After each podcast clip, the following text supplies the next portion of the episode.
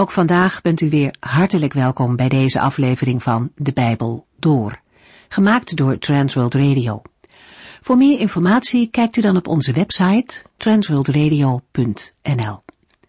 In deze serie gaat u in vijf jaar tijd met ons de Bijbel door, van Genesis 1 tot en met het laatste vers in Openbaring 22. We zijn bezig in de brief die Paulus schreef aan de Galaten. Van deze serie zijn ook dvd-opnames gemaakt, die u kunt bestellen.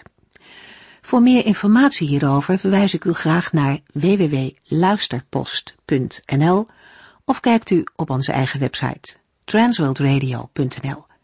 En daar kunt u overigens ook de gemiste afleveringen beluisteren. De vorige keer hebben we de eerste tien versen uit Galaten 1 besproken. U kunt ons altijd bellen of schrijven wanneer u vragen over een studie heeft of als u erover wilt doorpraten. Wij vinden het altijd fijn om wat van u te horen. In deze gelaten brief is Paulus heel duidelijk over de verhouding tussen wet en genade. Het is niet mogelijk om door goede werken behouden te worden. Ook niet een beetje. Goede werken zijn een gevolg van het dagelijks leven met een goede God. Leven in het besef dat God zo genadig was om onze zonde, onze verkeerde dingen te willen vergeven. En dat verandert ons. Dat beïnvloedt in principe ons gedrag naar anderen ten goede. Paulus laat in deze brief aan de Galaten zien dat ze een verkeerde weg inslaan wanneer ze de wet van Mozes weer willen gaan houden. Zijn toon is duidelijk, maar ook vol liefde en betrokkenheid. Paulus is echt bewogen met deze mensen die zich laten verblinden. Het begin van deze brief laat dat ook zien. Daar staat, ik wens u de genade en vrede van God onze Vader en van onze Heer Jezus Christus, schrijft Paulus. Dat is een groet die vaker voorkomt en waar je misschien makkelijk overheen leest, maar wat mooi om er eens bij stil te staan wat dat betekent. God wil u genade en vrede geven. Genade, dat is iets wat je niet verdient en toch krijgt. Vrede van God te midden van de onrust van deze wereld en misschien in uw eigen omgeving of leven. En dat is zo'n groot geschenk dat alleen de Heere God het zelf kan geven. We gaan verder in, één gelaten vanaf vers 11. In de vorige uitzending hebben we gelezen dat de apostel Paulus de gelaten moest schrijven. Het verbaast me dat u God, die u in zijn genade geroepen heeft door Jezus Christus, zo vlug terug hebt toegekeerd en een ander evangelie gelooft, dat helemaal geen evangelie is. U bent van de wijs gebracht door bepaalde personen die een verkeerd beeld van Christus geven. Met klem heeft de apostel hen op het hart gebonden als iemand u een ander evangelie verkondigt dan het goede nieuws dat u van ons ontvangen hebt, dan is zo iemand een vloek. Paulus probeert Gods wil te doen en waarschuwt voor Joodse dwaalleraars, omdat hij voor alles een dienaar van Christus wil zijn.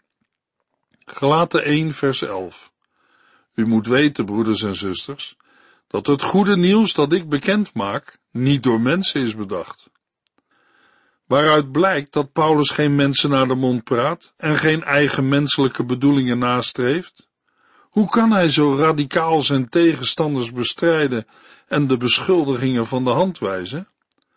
Opnieuw stelt Paulus hier zijn principiële criterium voorop en maakt aan de hand van zijn eigen roeping duidelijk dat het evangelie dat hij verkondigt zijn bron en norm alleen vindt in de openbaring van Jezus Christus.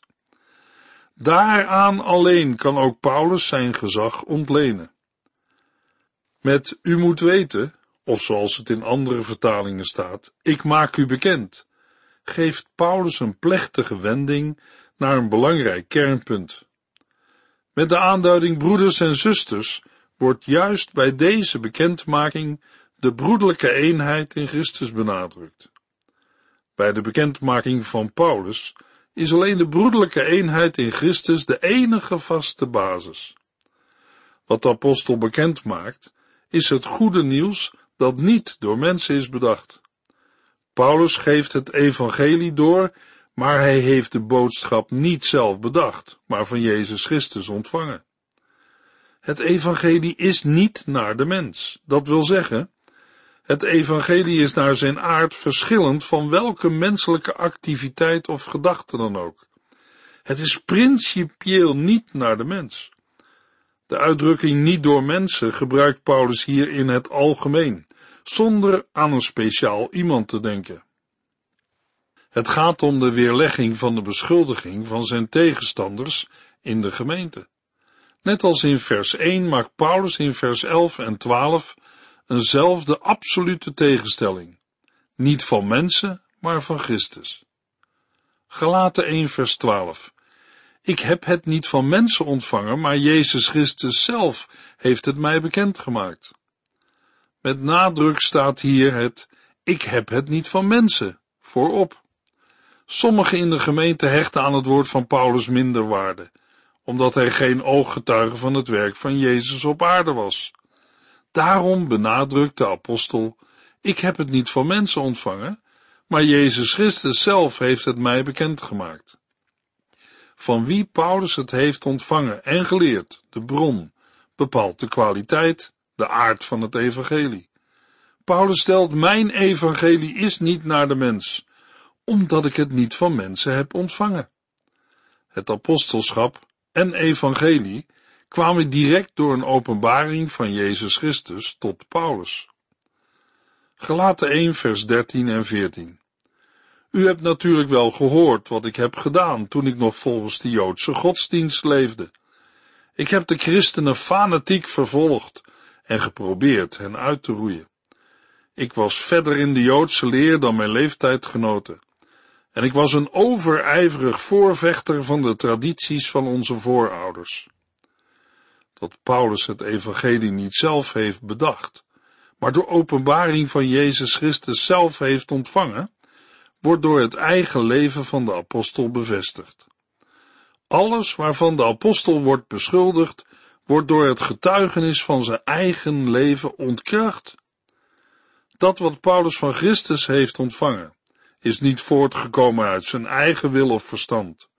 Ook anderen hebben hem niet aangezet tot de evangelieverkondiging. Integendeel, alleen de openbaring van Jezus Christus heeft hem ertoe geroepen. Daarvoor kan Paulus verwijzen naar wat de gemeente al van hem weet. Hij hoeft geen nieuwe bewijsvoering te leveren. U hebt natuurlijk wel gehoord wat ik heb gedaan toen ik nog volgens de Joodse godsdienst leefde. Waaruit bestond het leven van Paulus volgens de Joodse godsdienst? Om dat onder woorden te brengen, begint Paulus met een heel nadrukkelijke overtreffende trap. Ik heb de christenen fanatiek vervolgd. Zo wordt het ook in de handelingen door Lucas beschreven. En Paulus zelf schrijft het ook vaker.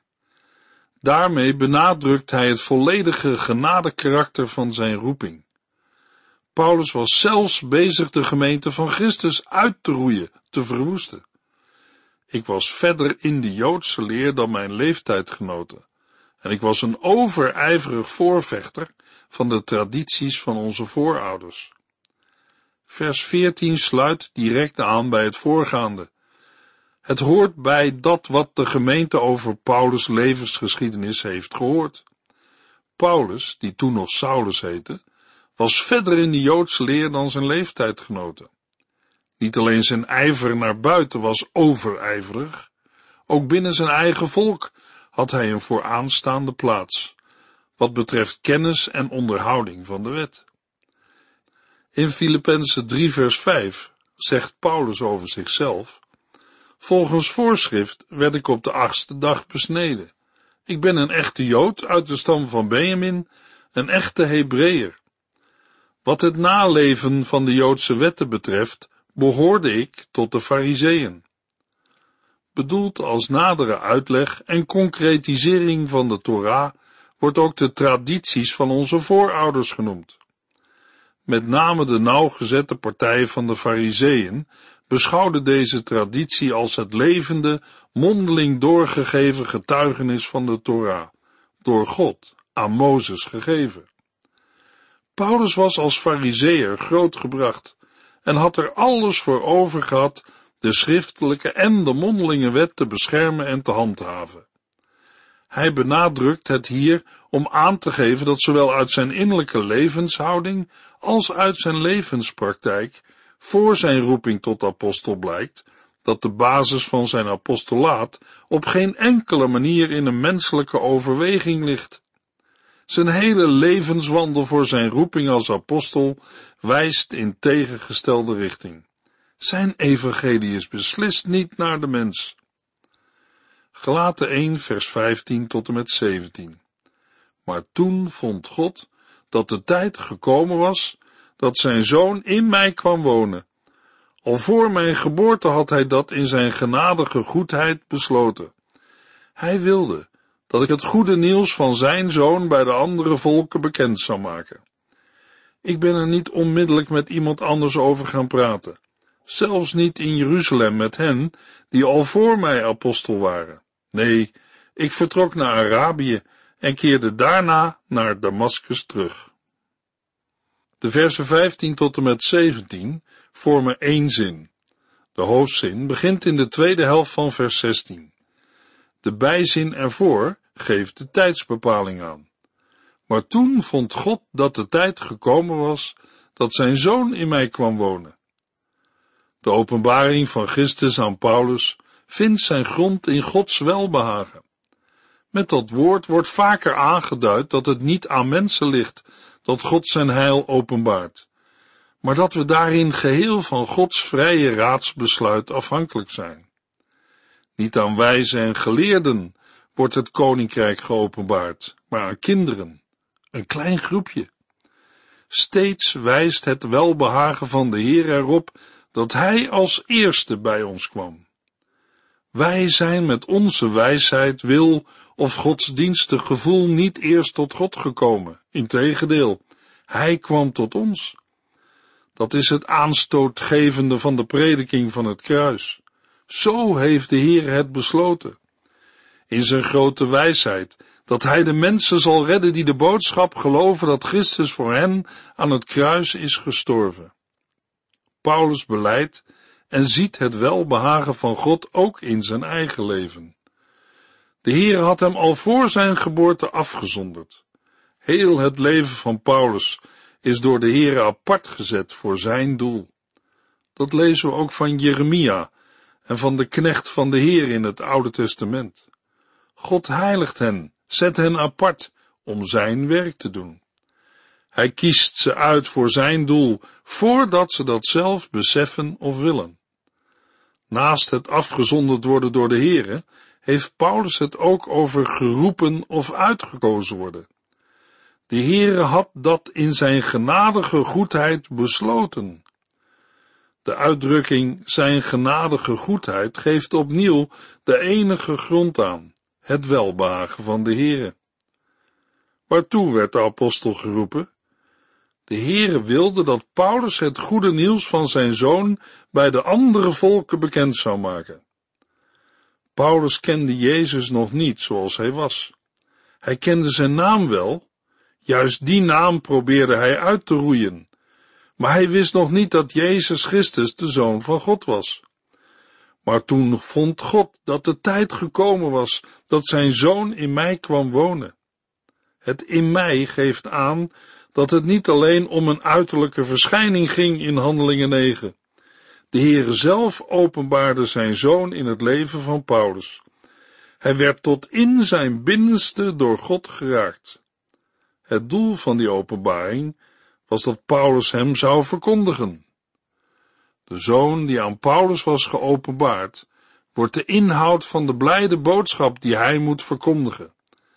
Dat Jezus de zoon van God is, is ook het eerste woord dat we van Paulus horen na zijn roeping. Bij de andere volken bekendmaken is geen strikte beperking, maar geeft het gebied aan waarheen Paulus wordt gezonden. Hij handelt niet in strijd met zijn opdracht als hij eerst naar de Joden gaat. Het heil blijft in de eerste plaats voor de Joden, maar wordt na Pinksteren in zijn strekking voor heel de wereld openbaar. naar de belofte die de Heer al tegenover Abraham had uitgesproken. U zult voor alle volken een zegen zijn. Paulus' leven wordt dienstbaar gemaakt aan de gang van het woord, om alle volken tot zijn leerlingen te maken. Direct bij zijn roeping is het Paulus duidelijk geworden dat hij er niet met mensen over moest praten. Ook niet met degenen die voor hem apostelen waren. Die uitspraak overtreft de vorige uitspraak. Paulus heeft niet alleen geen overleg gehad met mensen in het algemeen, maar ook niet met de erkende autoriteiten in Jeruzalem. Daarin ligt voor Paulus niet een verloochening of onderwaardering van het gezag van de apostelen in Jeruzalem, maar een extra benadrukken van het feit dat zijn eigen gezag geen afgeleid gezag is van ondergeschikte betekenis. Nee, hij zelf heeft net als de andere apostelen de Heere gezien. Ook de woorden van Paulus berusten ten volle op Gods openbaring. In plaats van naar Jeruzalem ging Paulus naar Arabië, de streek ten zuidoosten van Damascus. In handelingen lezen we niets over die tijd. Het doet denken aan een tijd van bezinning in de woestijn, zoals we dat in de Bijbel vaker lezen van Mozes en Elia. We kunnen het ook vergelijken met het optreden van Johannes de Doper en de Heer Jezus zelf en de veertig dagen in de woestijn. In de woestijn was een mens totaal alleen. Juist daar konden mensen in de omgang met de Heere intensief worden voorbereid op hun taak. Daarnaast is het natuurlijk best mogelijk dat apostel Paulus in deze streek meteen begonnen is zijn opdracht uit te voeren in de verspreide nederzettingen. Het slot van 2 Korintiërs 11 zou in deze richting uitgelegd kunnen worden. Aretas de vierde was koning van het koninkrijk van de Nabateën, waartoe in die tijd ook Damascus behoorde. Aretas zou dan attent gemaakt kunnen zijn op Paulus' prediking op verschillende plaatsen in zijn koninkrijk, ten zuidoosten van Damascus. Nadat Paulus in Damascus was gesignaleerd, gaf Aretas zijn stadhouder daar opdracht hem gevangen te nemen. Paulus' werkzaamheid in Arabië valt dan samen met de enkele dagen in Handelingen 9 vers 23, waarover we verder niet worden ingelicht. Gelaten 1 vers 18 Pas drie jaar later ging ik naar Jeruzalem om met Petrus kennis te maken en ik logeerde twee weken bij hem. Pas na drie jaar gaat Paulus naar Jeruzalem. In verbondenheid met gelaten 21 en 2 vers 1 geeft Paulus aan dat hij precies de loop van de gebeurtenissen wil doorgeven, met het oog op zijn weerlegging van de beschuldigingen. Pas drie jaar later heeft betrekking op het derde jaar na de gebeurtenis op de weg naar Damascus. Paulus' confrontatie met de opgestane heiland Jezus Christus. Men telde in zo'n tijdsaanduiding het eerste jaar als vol mee. Paulus had al geruime tijd het evangelie verkondigd, voordat hij in Jeruzalem kwam om Petrus te leren kennen. Voor Petrus vinden we in sommige handschriften de naam Kefas, de Arameese vorm van het Griekse Petros. Beide namen betekenen rots. Petrus gold blijkbaar als de belangrijkste steunpilaar van de gemeente van christenen in Jeruzalem, naast Jacobus, de broer van Jezus, en volgens gelaten 2 vers 9 ook nog Johannes.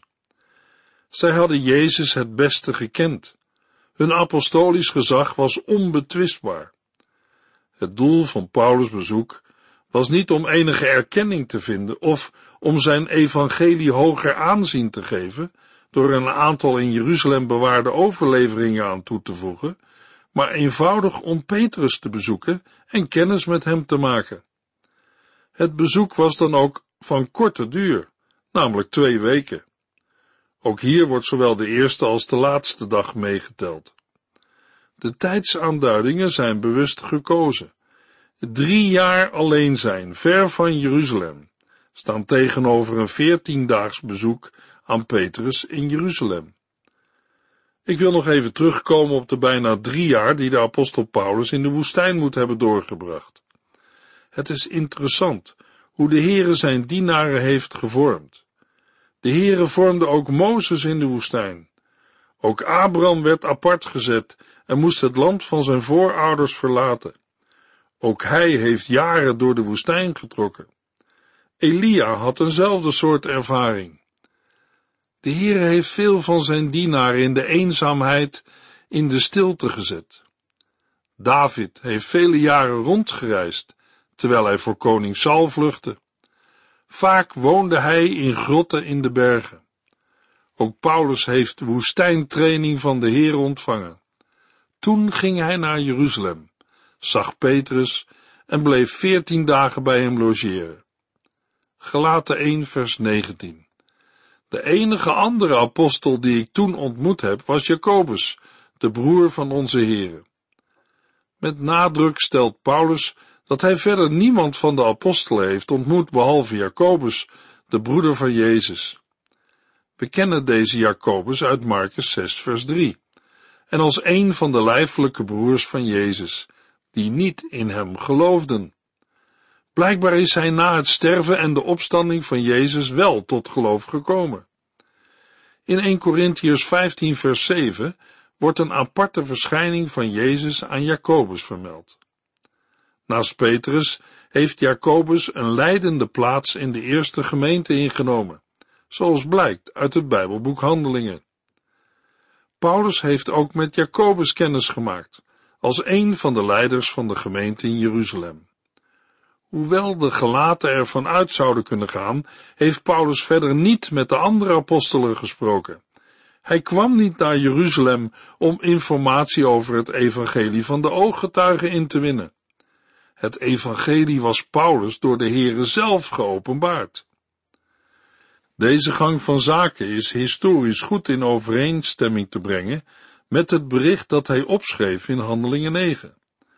Daar staat dat de andere leerlingen van Jezus allemaal bang voor hem waren, omdat ze niet konden geloven dat Paulus ook een leerling van Jezus was geworden.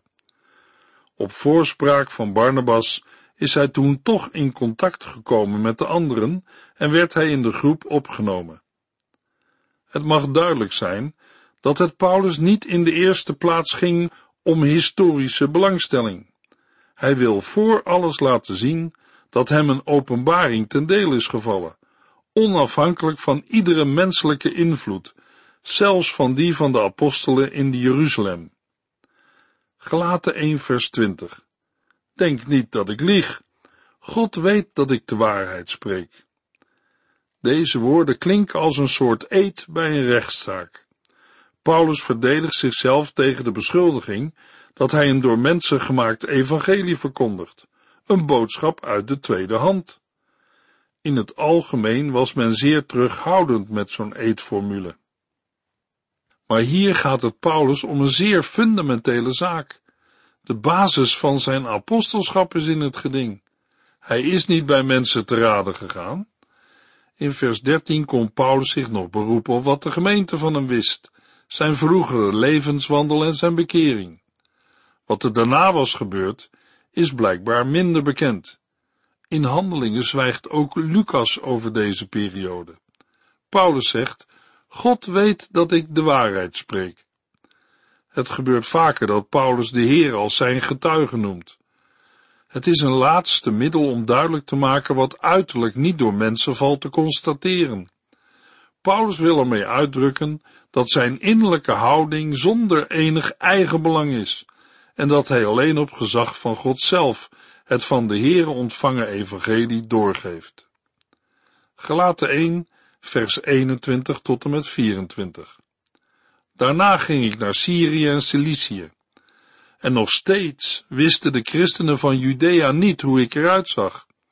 Het enige wat ze over mij hoorden, was dat de man die hen vroeger vervolgde, nu zelf het goede nieuws van het geloof in Christus bekend maakte. Het geloof dat hij vroeger probeerde uit te roeien. En zij prezen God om wat er met mij gebeurd was. Onmiddellijk na zijn korte bezoek aan Jeruzalem is Paulus weer vertrokken naar landstreken ver van Jeruzalem. Zo wordt het ook door Lucas verteld. Hij werd door een aantal broeders naar Caesarea begeleid en vandaar vertrok hij verder naar Tarsus, dat in Cilicië lag. Later haalde Barnabas hem naar Antiochië, de belangrijkste stad van het toenmalige Syrië. De nadruk ligt hier op de grote afstand van Jeruzalem, zodat er geen verder contact plaatsgevonden kan hebben met de apostelen in Jeruzalem. In vers 22 wordt duidelijk dat de christenen van Judea Paulus niet van gezicht kenden, alleen van horen zeggen. Er waren in Judea verschillende christengemeenten ontstaan toen de gelovigen uit Jeruzalem waren verdreven als gevolg van de zware vervolging na de dood van Stefanus. Juist daar had Paulus aan meegewerkt. Als vervolger kenden ze hem wel, maar niet als christen. Waarschijnlijk kenden de meesten hem ook niet van gezicht, anders hadden ze nu mogelijk niet meer geleefd. De berichten uit vers 23 brachten de gemeente ertoe God te prijzen. Hem alleen komt de eer toe. Hij alleen had dit werk gedaan in de apostel Paulus. De lofzegging had een oorsprong in wat de Heer in Paulus had gedaan. Hij was als het ware een spiegel waarin de gemeenten Gods genadig handelen konden zien. Het werk van de apostel was het werk van God alleen. Dat heeft de levensgeschiedenis van de apostel Paulus wel heel duidelijk gemaakt. Zo zien we opnieuw dat het evangelie dat Paulus mag doorgeven beslist niet naar de mens is. Paulus is net als de andere apostelen van Jeruzalem een even legitieme apostel van Jezus Christus. In de volgende uitzending lezen we Gelaten 2 vers 1 tot en met 14. U heeft geluisterd naar De Bijbel Door, in het Nederlands vertaald en bewerkt door Transworld Radio. Een programma waarin we in vijf jaar tijd de hele Bijbel doorgaan. Als u wilt reageren op deze uitzending of u heeft vragen, dan kunt u contact met ons opnemen. Tijdens kantooruren kunt u bellen op 0342 478432 0342 478432. Ook kunt u een e-mail sturen naar de at transworldradio.nl en natuurlijk kunt u ook via de post ons bereiken. TWR, postbus 371, postcode 3770, AJ in Barneveld. Dit programma werd gepresenteerd door Cor Weda en Ike André. Techniek was in handen van Odin van Voerkom. En wij allemaal bedanken u voor het luisteren. Graag tot de volgende keer.